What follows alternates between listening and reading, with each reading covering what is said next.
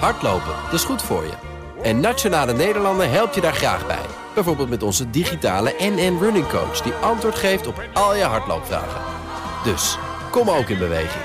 Onze support heb je. Kijk op nn.nl slash hardlopen.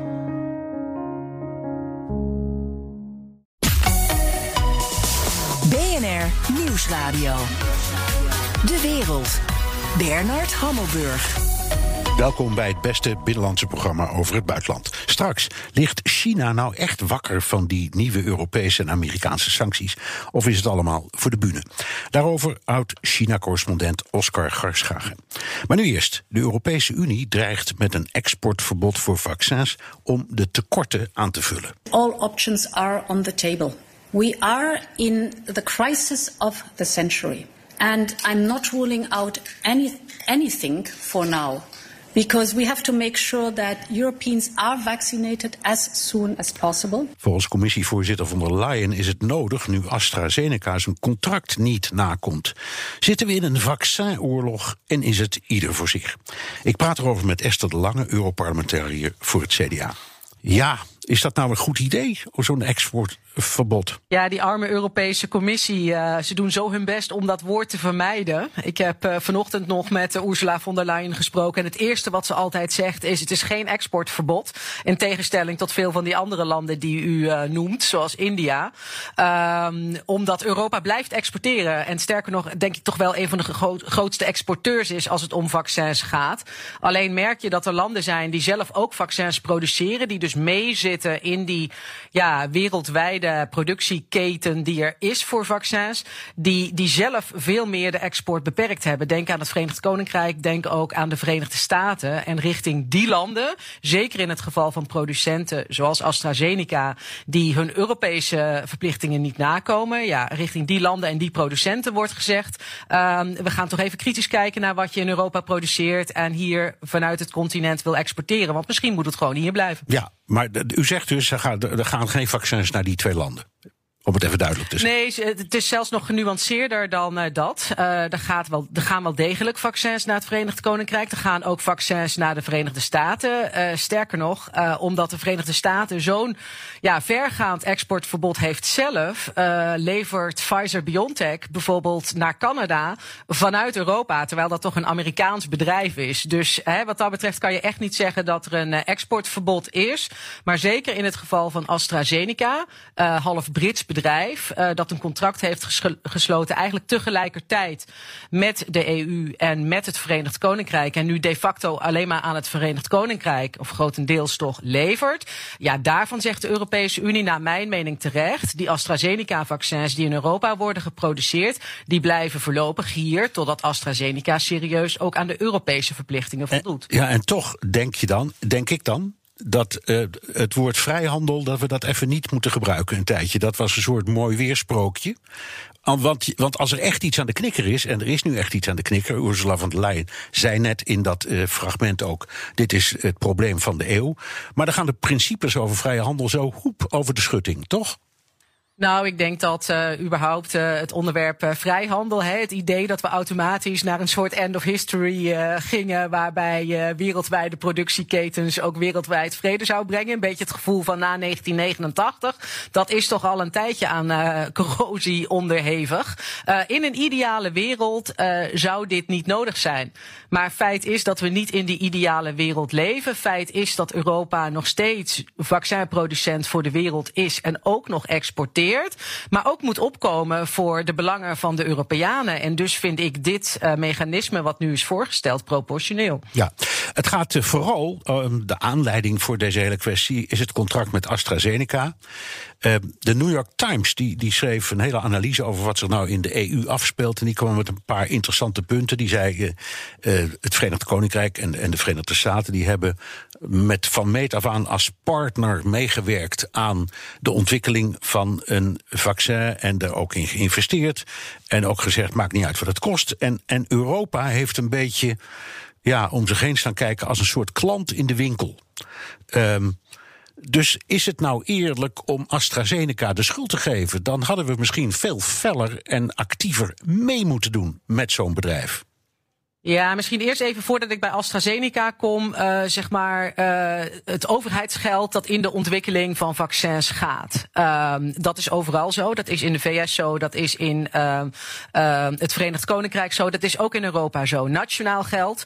Uh, kijk maar eens wat er naar zo'n Leiden Science Park, Bioscience Park gaat. Maar ook Europees geld. Vanuit de Horizon onderzoeksgelden wordt er echt wel geld geïnvesteerd in de ontwikkeling van medicijnen, van nieuwe vaccins, van nieuwe therapieën. Daarnaast heeft de Europese Commissie natuurlijk in deze crisis ook nog geld gestoken in uh, wat heet production at risk. Dus het zeggen van, joh, ga alvast produceren die vaccins, ook al is er nog geen toestemming voor gegeven. Het is natuurlijk een enorm financieel risico voor zo'n bedrijf. Vaak doen ze dat dan ook niet of wachten ze nog even.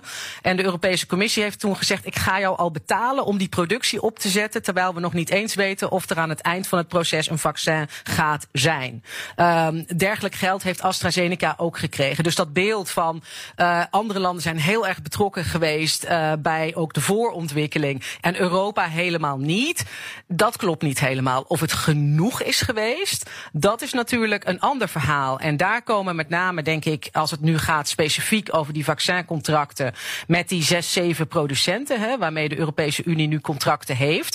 Er zijn er pas drie op de markt. Hè, dus het geeft al ja. aan dat dat ook contracten zijn met, met uh, vaccins nog in ontwikkeling. Um, daar kwamen een aantal lidstaten om de hoek uh, kijken, uh, die inderdaad zeiden van, uh, nou een beetje zuinig met het geld. Dus niet op het moment dat producten werden ontwikkeld, dat fundamentele onderzoek, maar op het moment ja, dat er geld gevonden moest worden in de Europese begroting om die contracten af te sluiten. Ja. En met name een aantal lidstaten in Oost-Europa zeiden toen van, ho eens even, je bent nu allerlei contracten aan het afsluiten. Toen dacht men nog dat AstraZeneca als eerste klaar klaar zou zijn. Men wist ook dat AstraZeneca een van de goedkopere zou zijn. Dus um, vanuit die landen klonk heel erg van zet nu maar in alleen op AstraZeneca. Uh, dat is goedkoper. En dus leunt, dat dat niet gebeurd en, is. En dus, en dus leunt de EU ook wat zwaarder op AstraZeneca dan op andere vaccins. Dat is gewoon een feit. Nou, dat hangt een beetje van de landen af. Want uiteindelijk zijn die contracten gesloten voor bepaalde hoeveelheden. En inderdaad, uh, AstraZeneca is aan, aanzienlijk. Maar Pfizer-BioNTech bijvoorbeeld is ook heel erg groot. Maar vervolgens hebben de landen zelf, zo willen ze dat. Want ze geven ook niet graag veel bevoegdheden af. Natuurlijk aan de Europese Commissie. Uiteindelijk hebben de landen gezegd, wij willen graag flexibiliteit hebben in hoeveel we inkopen. De Europese Commissie had gezegd: eigenlijk, als ik een contract heb voor 100 miljoen, gaan we dat gewoon verdelen, uh, al naar gelang jouw aandeel in het inwoneraantal van de Europese Unie. En zo krijgt iedereen een deel van die uh, vaccinaankoop. Ja, in het Toen hebben de landen gezegd. Ja, sorry. Precies. Uh, pro rata, dus inderdaad. Pro hebben de landen gezegd: dat willen we niet.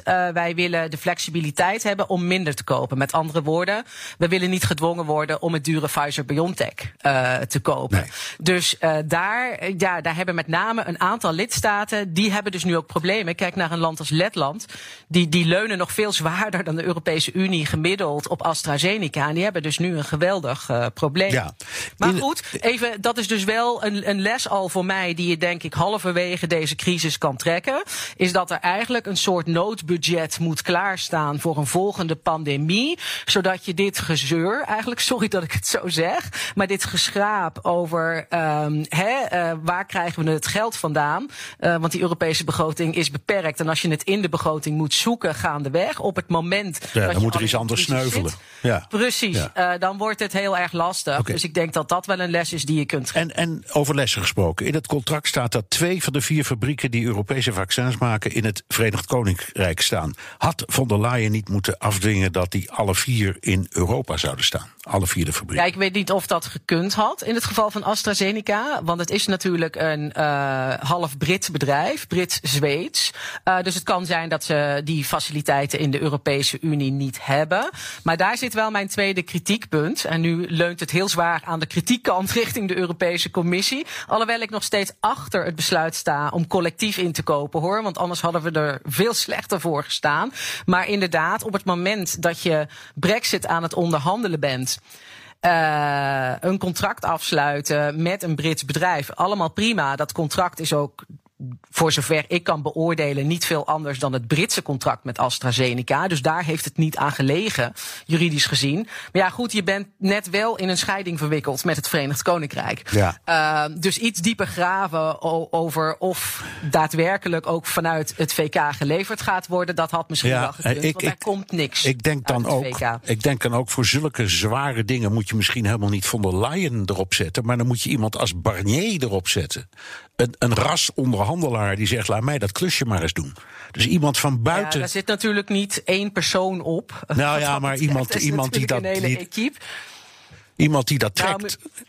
Misschien zeker met, eh, misschien zeker met, eh, met de Britten. Maar ja, je onderhandelt dus niet met de Britse regering. Je onderhandelt met een particulier, eh, particulier bedrijf.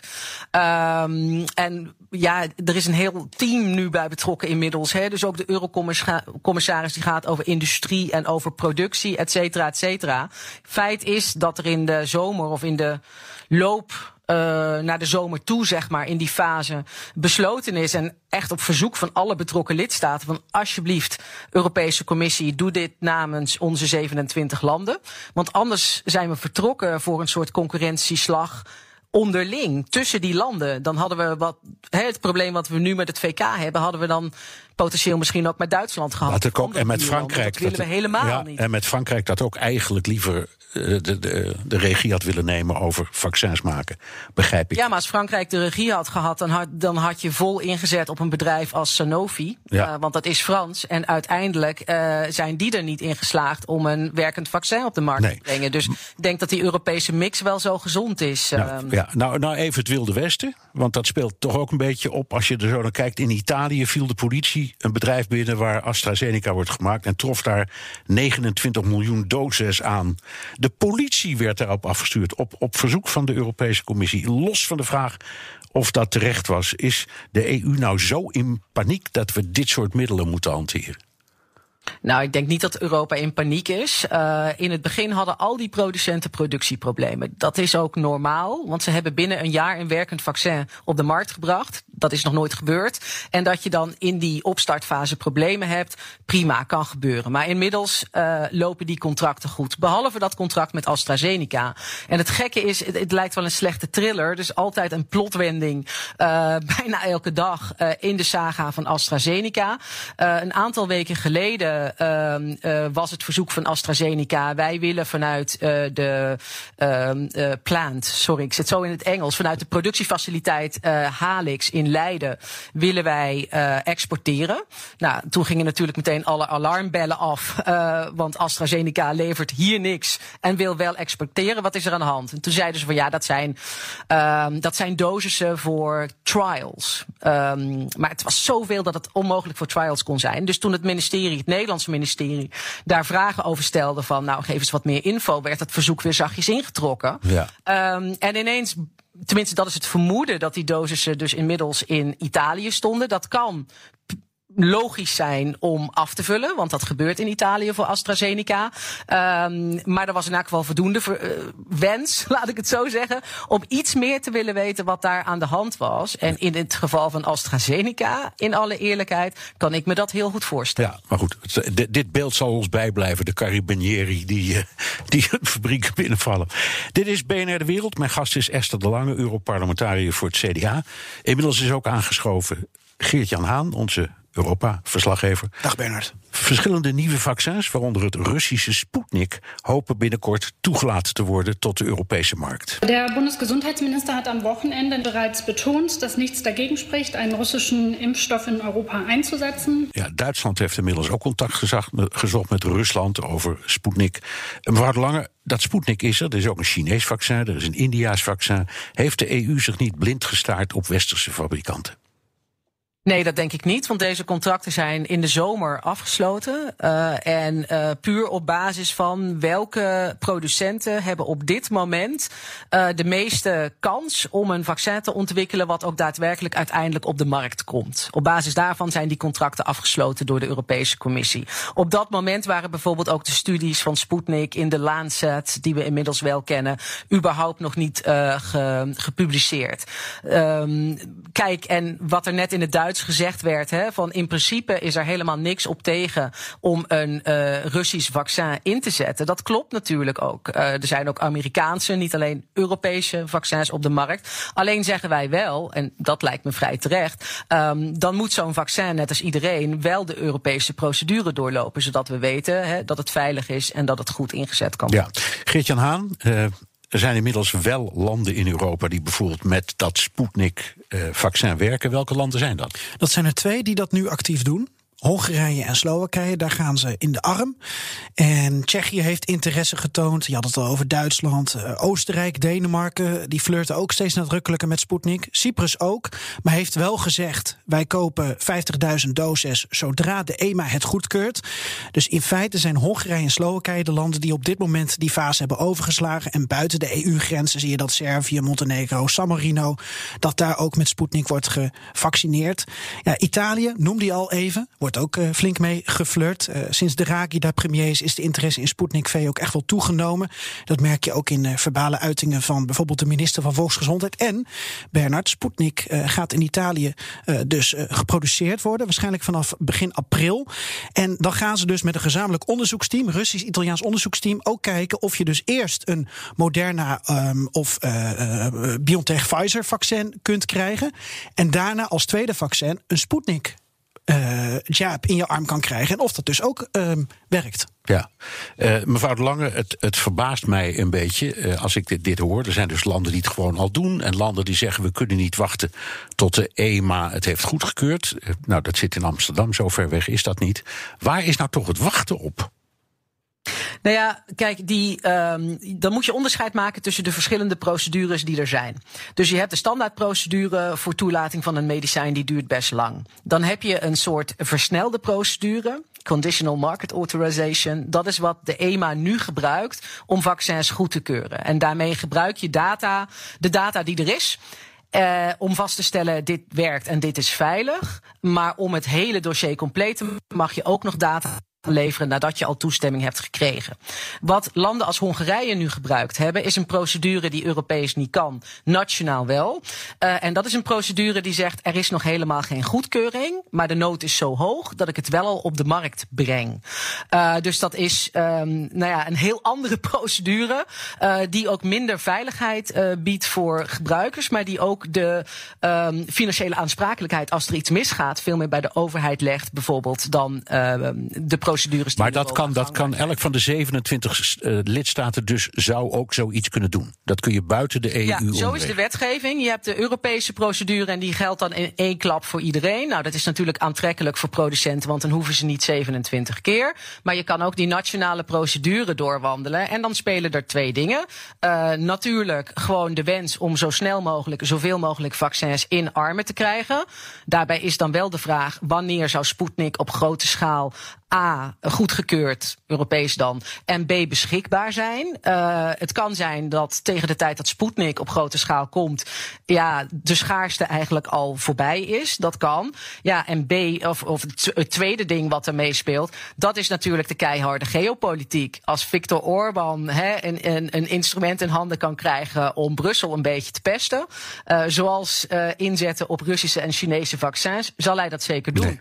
De Hongaarse bevolking was er niet zo van van gediend. Nee, want die wilde dat Sputnik-vaccin absoluut niet hebben. Omdat er toen nog uh, ja, vrij weinig bekend was over veiligheid en werkzaamheid. Ja, Geert-Jan Haan, in, in Nederland is regelmatig kritiek op Hugo de Jonge. In Duitsland ligt de minister van Volksgezondheid Jens Spaan onder vuur. Ja. Zijn er nog meer landen waar de vaccinsituatie door voor politieke spanningen zorgt? Zeker. Uh, al ligt dat ook aan de politieke kleur en voorkeur van een aantal politici.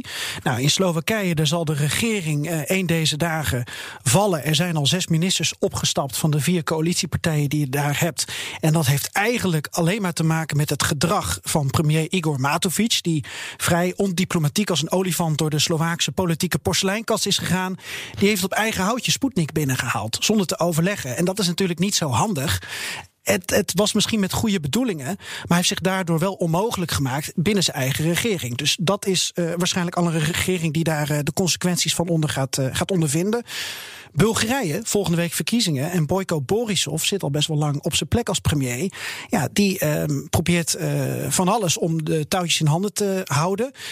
daar dreigt hij te gaan verliezen. En dan wordt de tweede partij, dat zijn de socialisten. En die hebben al gezegd. Wij willen dan Sputnik binnenhalen. Moskou klopt al op de deur bij Sofia. En dan heb je ook nog Tsjechië. Daar heb je, Bernard, een president die is pro-Russisch. Een premier die is pro-Chinees. Een bevolking die is anti-Russisch en anti-Chinees. Helemaal in de geest van Václav uh, Havel. En dan heb je ook nog een burgemeester in Praag. Die is um, uh, pro-Taiwanese. Dus je hebt alle smaken en kleuren daar. En iedereen zit elkaar daar dwars. Er is één verstandige man, dat is minister van Volksgezondheid, meneer Blatny. En die zegt: Ik uh, haal pas iets binnen als de EMA het goedkeurt. Ja, wat me tenslotte weer terugbrengt bij u, mevrouw De Lange. Dit, dit zijn, ja, als het iets zo ernstig was, zouden het komische verhalen zijn. Hè? Hoe, hoe dat zo binnen die Unie tot allerlei toestanden leidt, inclusief in Nederland. Maar het is, het is bloedernstig allemaal. Het is bloedernstig. Uh, en ik word daar niet alleen door de week mijn werk als Europarlementariër, maar ook in het weekend als ik mijn zussen spreek die beide in een ziekenhuis werken, mee geconfronteerd. Uh, dus ik weet hoe ernstig de situatie is, ook in onze ziekenhuizen.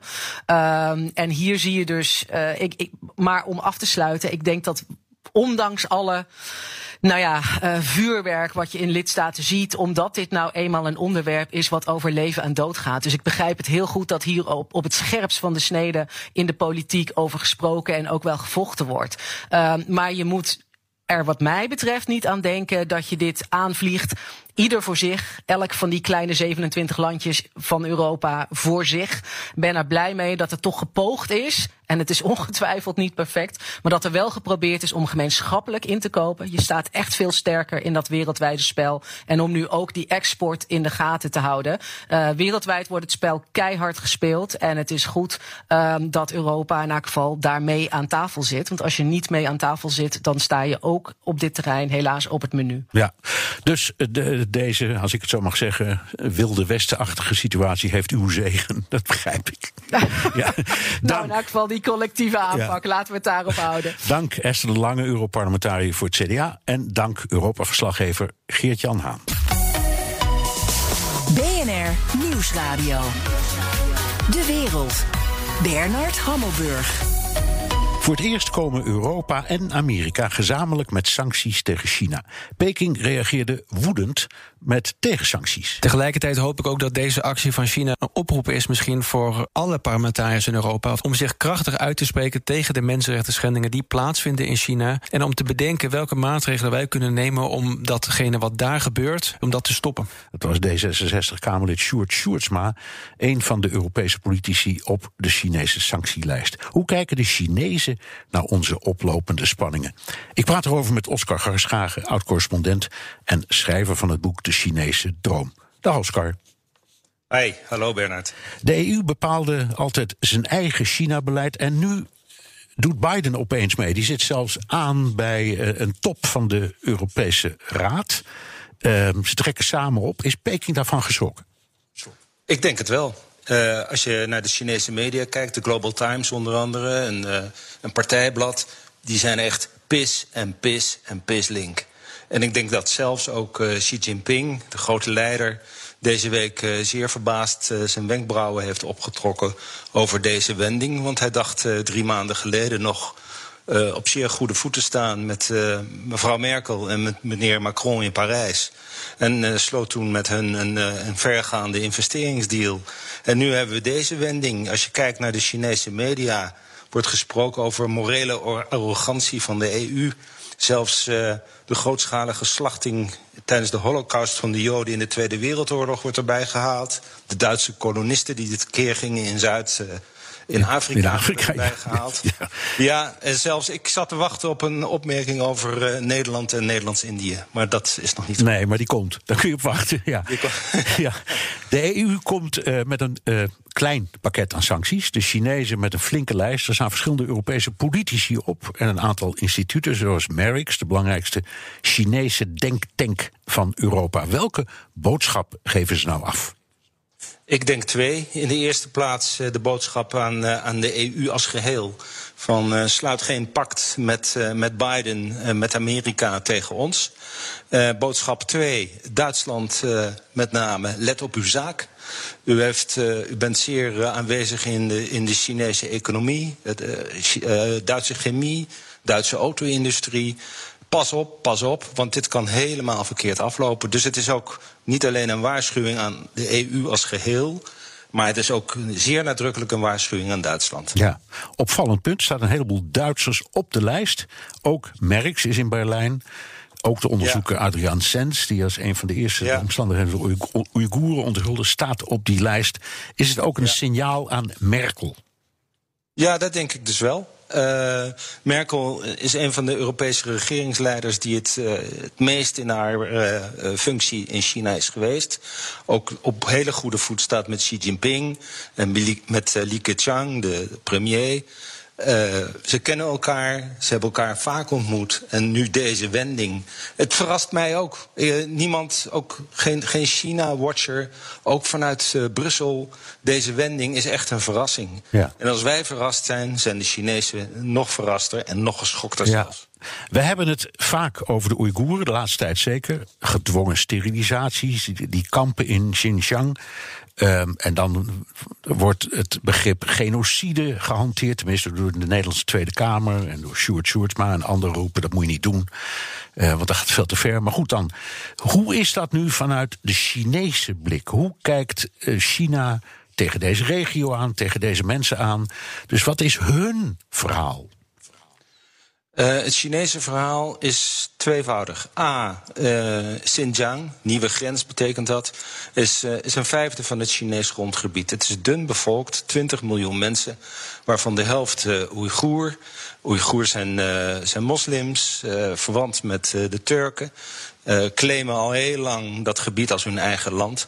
Daar hebben ze een harde strijd voor gevoerd. Tot en met eh, 2014 vonden er zeer regelmatig zware aanslagen plaats in China op Chinese doelen. De laatste keer vlakbij het huis van eh, Xi Jinping. Eh, China ziet het hele beleid ten opzichte van de Go- Oeigoeren als hun strijd tegen terrorisme. Duizenden doden gevallen. Aan weerska- weerskanten overigens. Eh, duizenden gewonden, honderden doden. Ik moet mezelf even corrigeren. Eh, het is ook een strategisch gebied. Het grenst aan eh, Centraal-Azië, het grenst aan India, Afghanistan en Pakistan. En alle belangrijke treinen van en naar Europa, de goederentreinen, lopen door Xinjiang. Er zit verder olie in de grond, mineralen en gas.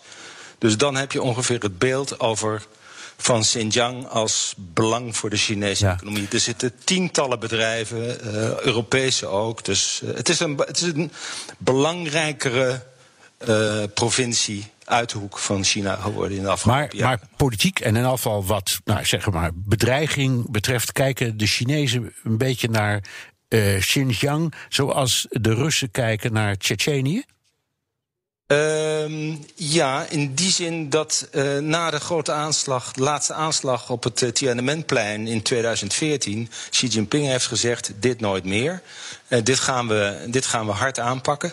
Uh, ze willen absoluut niet dat Xinjiang op de een of andere manier zich afscheidt van, uh, van China. Dat is een. Kijk naar de kaart en je ziet waarom dat gebeurt. Dat separatisme, dat zit er diep in. Die angst daarvoor zit er diep in aan de Chinese kant. En natuurlijk wordt, wordt Xi Jinping in dit opzicht breed gesteund. Niemand in China is de aanslagen in 2014 en veel eerder op markten in Kunming onder andere uh, vergeten. Het zit, het zit bij, bij de Chinezen in het algemeen, en dan heb ik het over de Han-Chinezen.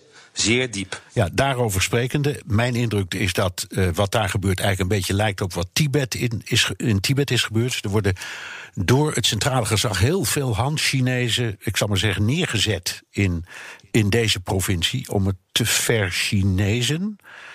Klopt. Ja, en dan heb je die. Dan heb je die, de, kampen, die noemen wij dan concentratiekampen. Er wordt gesproken over massale sterilisatie van vrouwen. Um, dat, zal, dat, dat wordt niet zonder reden gezegd. Praten de Chinezen daar ook over? Of hebben ze daar zo gezegd een frame bij? Uh, daar hebben ze zeker een frame bij. Uh, ik, zoals ik het nu net schetste, uh, de war on terrorism. Jawel, maar, dat, maar, dat, maar op het moment dat je vrouwen gaat steriliseren, dan heeft dat niet zoveel meer te maken met de oorlog tegen het terrorisme. Ja, maar dan moet je een onderscheid maken tussen wat wij ervan weten en wat de gemiddelde Chinees ervan weet. Uh, die gede gedetailleerde invulling van het schenden van mensenrechten.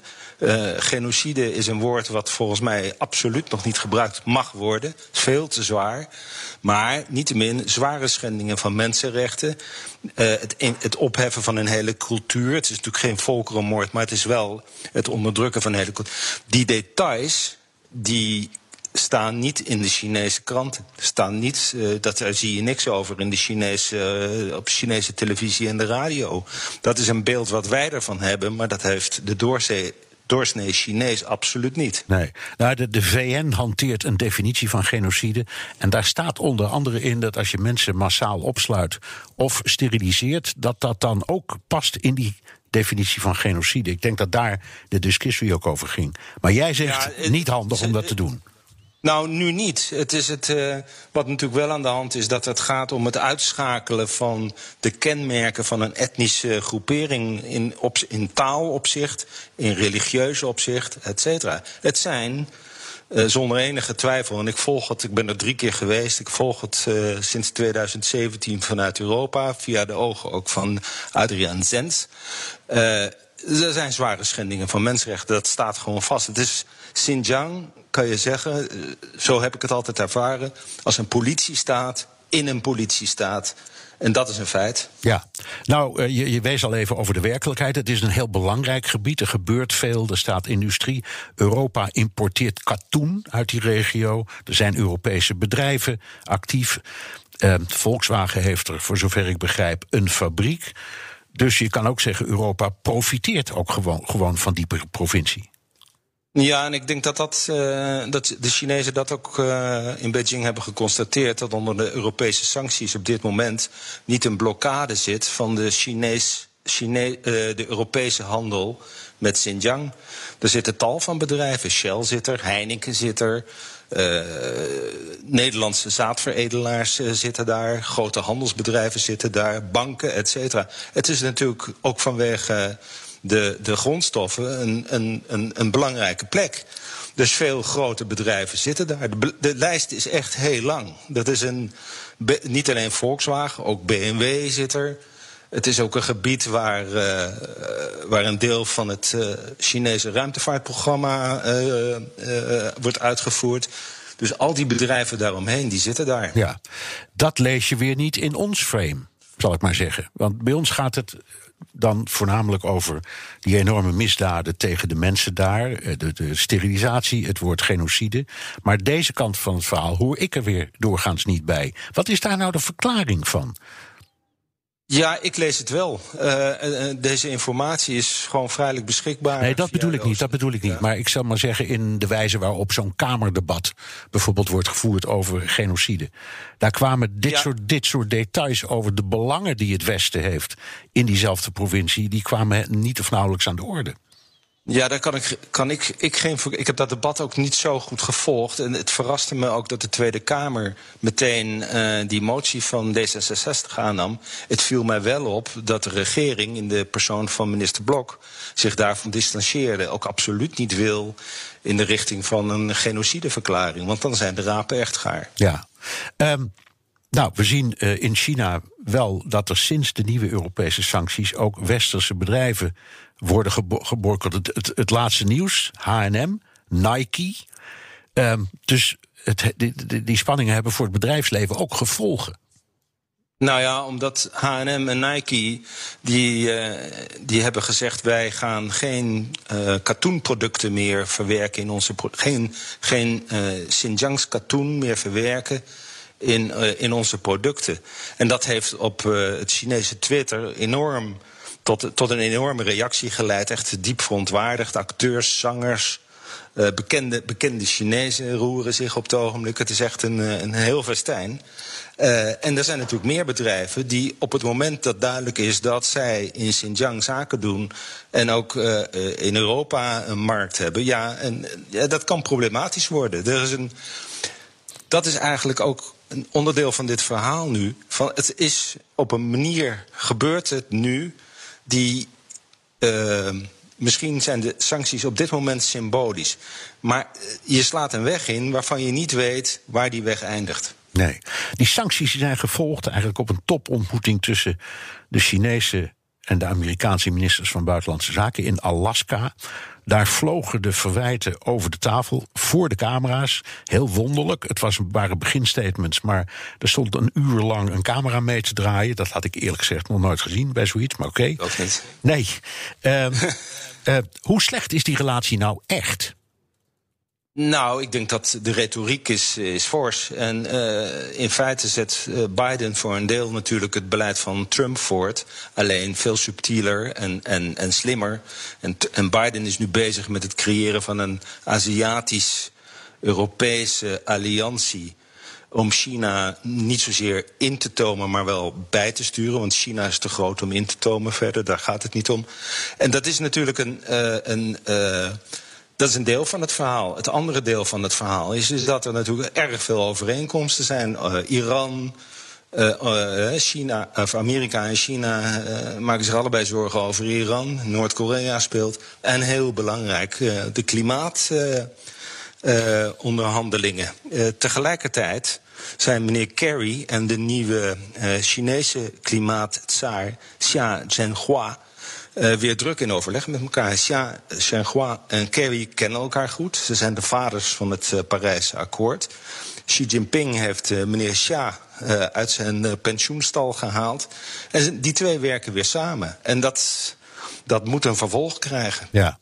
Um, het is natuurlijk ook een enorme e-, economische strijd tussen die twee landen. Amerika wil, tenminste dat was het beleid van Trump, proberen China een beetje te isoleren. Uh, maar eigenlijk, als je goed kijkt, zijn het vooral kreten en boze woorden. Heeft, heeft het China geraakt? Tot nu toe niet. Uh, uh, Trump kwam, riep van alles en vertrok. En er is voor China niks veranderd. China zit, staat er op dit moment hartstikke goed voor. de economie trekt weer aan. Corona is met succes bestreden. De beurzen boomen, vanochtend ook nog. Uh, de Chinese, uh, de buitenlandse investeringen in China bereiken nieuwe records. Uh, internationale bedrijfsleven wil daar heel graag zijn. Dus op die manier krijg je toch een wat ja. genuanceerder verhaal. Ja, en even de actualiteit daarbij aansluitend. Philips heeft, als ik het goed begrepen heb, doet een poging of heeft al zijn consumentendivisie aan een Chinees verkocht. Ja. Dat is toch ook tekenend. Bijna alle chips zijn zo inmiddels worden inmiddels door China gemaakt? Of zijn... Nou, dat is niet het geval. Uh, uh, uh, Philips zit al lang op de lijn van investeren in, in apparatuur voor de zorg. China. Nee, dat weet ik. Maar ze wouden dus die consumentendivisie kwijt en niemand moest dat ja, kopen. Ja, die zijn ze nu kwijt voor 3,7 miljard. Ja. De, en er komt een investeringsfonds aan. Die, de bedoeling was naar de beurs te gaan, maar dat is helemaal niet meer nodig. Er komt een, en dat, dat tekent de, de Chinese economische dynamiek op dit moment. In feite wordt een heel bedrijf overgenomen. Ja. En die gaan, uh, gaan onder de naam uh, Philips de komende jaren voor, uh, voor de Chinese rijstkokers maken en andere dingen. Ja, maar dat betekent dat wat wij zien is allemaal ook een beetje voor de bühne. Want, zeker, ja. zeker. En, en dat maar ja, dat hoort, bij, dat hoort bij geopolitiek. Het is, het is beeldvorming uh, en, en tussen. Maar ik denk dat Europese uh, bedrijfsleiders, met name de grote jongens, zich, uh, zich zorgen maken. Ja. Dat denk ik absoluut. Ja, vanwege, Dit kan verkeerd aflopen. Ja, vanwege de uit de hand op. En dan tenslotte nog even één vraagje. We hadden het net over Biden. Um, die in feite niet zoveel verschilt van Trump in zijn aanpak. Maar het is wel iemand die een andere toon aanslaat. Zou hij erop uit zijn, bijvoorbeeld, om daar rechtstreeks met Xi over te gaan praten? Dat denk ik wel. Zij kennen elkaar goed. Als vicepresident heeft uh, onder Obama heeft, hebben ze elkaar ontmoet, meerdere malen zelfs. Uh, Biden heeft uh, Xi een deel van Amerika laten zien. Ze hebben zelfs een biertje gedronken met elkaar. Of, of Biden echt door had toen hoe hard Xi kan zijn en hoe vastbesloten Xi is, dat weet ik niet. Maar uh, ze kennen elkaar. En die komen elkaar vast een keer tegen, vermoedelijk ergens in april al. Als uh, Biden een, een, Global Leaders Climate Conference houdt vanuit uh, DC. En daar is Xi ook bij uitgenodigd. Of ze elkaar dan echt rechtstreeks spreken, dat weet ik niet. Maar er, er komt het komend jaar natuurlijk enig moment dat ze elkaar ontmoeten. Dankjewel. Oscar Garschagen, oud-China-correspondent en schrijver van het boek De Chinese Droom. Postma in Amerika. Tijd voor het laatste nieuws uit Amerika met onze correspondent in Jan, Pos Jan Posma. Dit keer vanuit New York. Ha Jan. Ja. Geweldige stad, hè? Ik heb, wel, uh, ja, ach, ik, ik weet dat jij ook iets met deze stad hebt. En als ik dit uitzicht zo zie vanuit mijn hotelkamer, dan, uh, dan snap ik ook weer helemaal waarom. Hoor. Het is hier een beetje stil op straat. Maar je merkt wel, die stad begint weer wat te leven. Het gaat weer de goede kant op. Ja. Vandaag geeft uh, president Biden zijn lang verwachte eerste persconferentie. En bij Fox News hebben ze daar veel zin in, hè? Ja, ja die, die verwachten en die hopen natuurlijk ook dat dat eh, een groot debakel wordt voor Biden. Eh, de afgelopen weken was er al, al felle kritiek op Biden. Niet alleen van Fox News trouwens.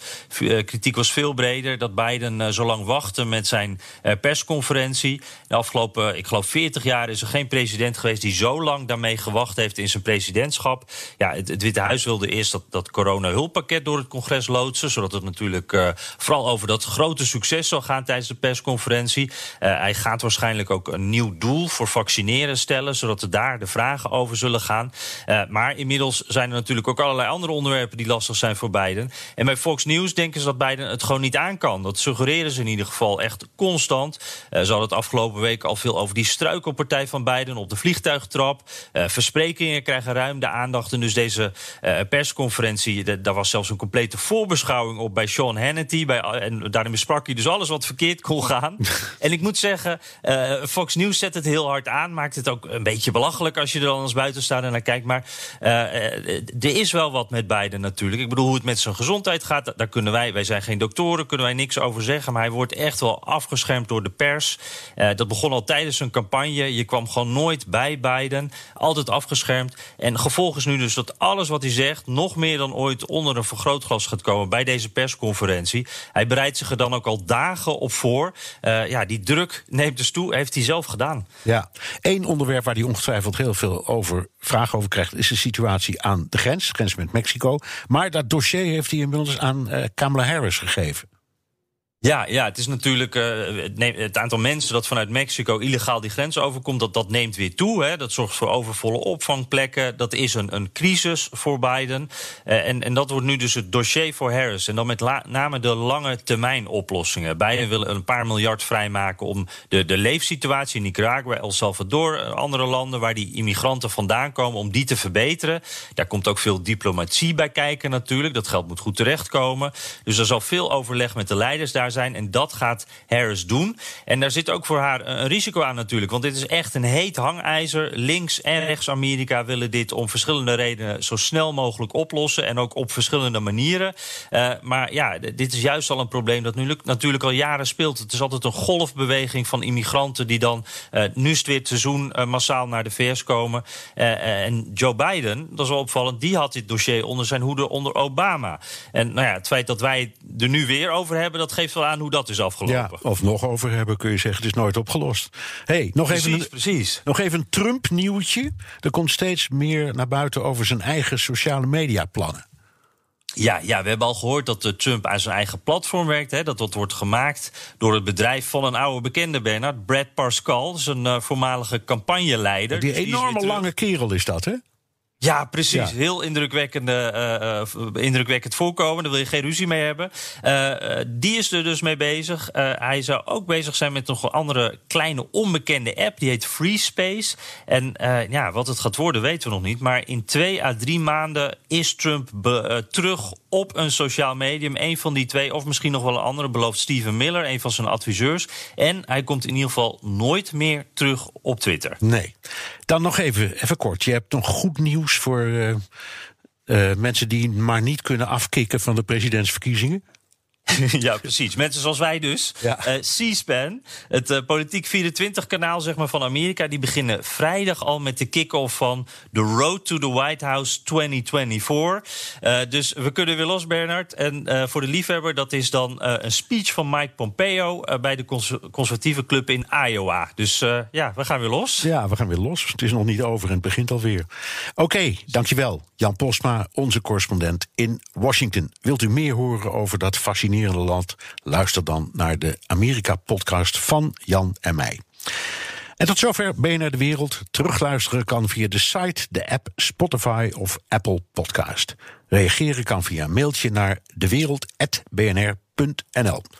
Tot volgende week. Business Booster. Hey ondernemer, KPN heeft nu Business Boosters. Deals die jouw bedrijf echt vooruit helpen. Zoals nu, zakelijk tv en internet, inclusief narrowcasting... de eerste 9 maanden voor maar 30 euro per maand. Beleef het EK samen met je klanten in de hoogste kwaliteit. Kijk op kpn.com businessbooster. Business Booster.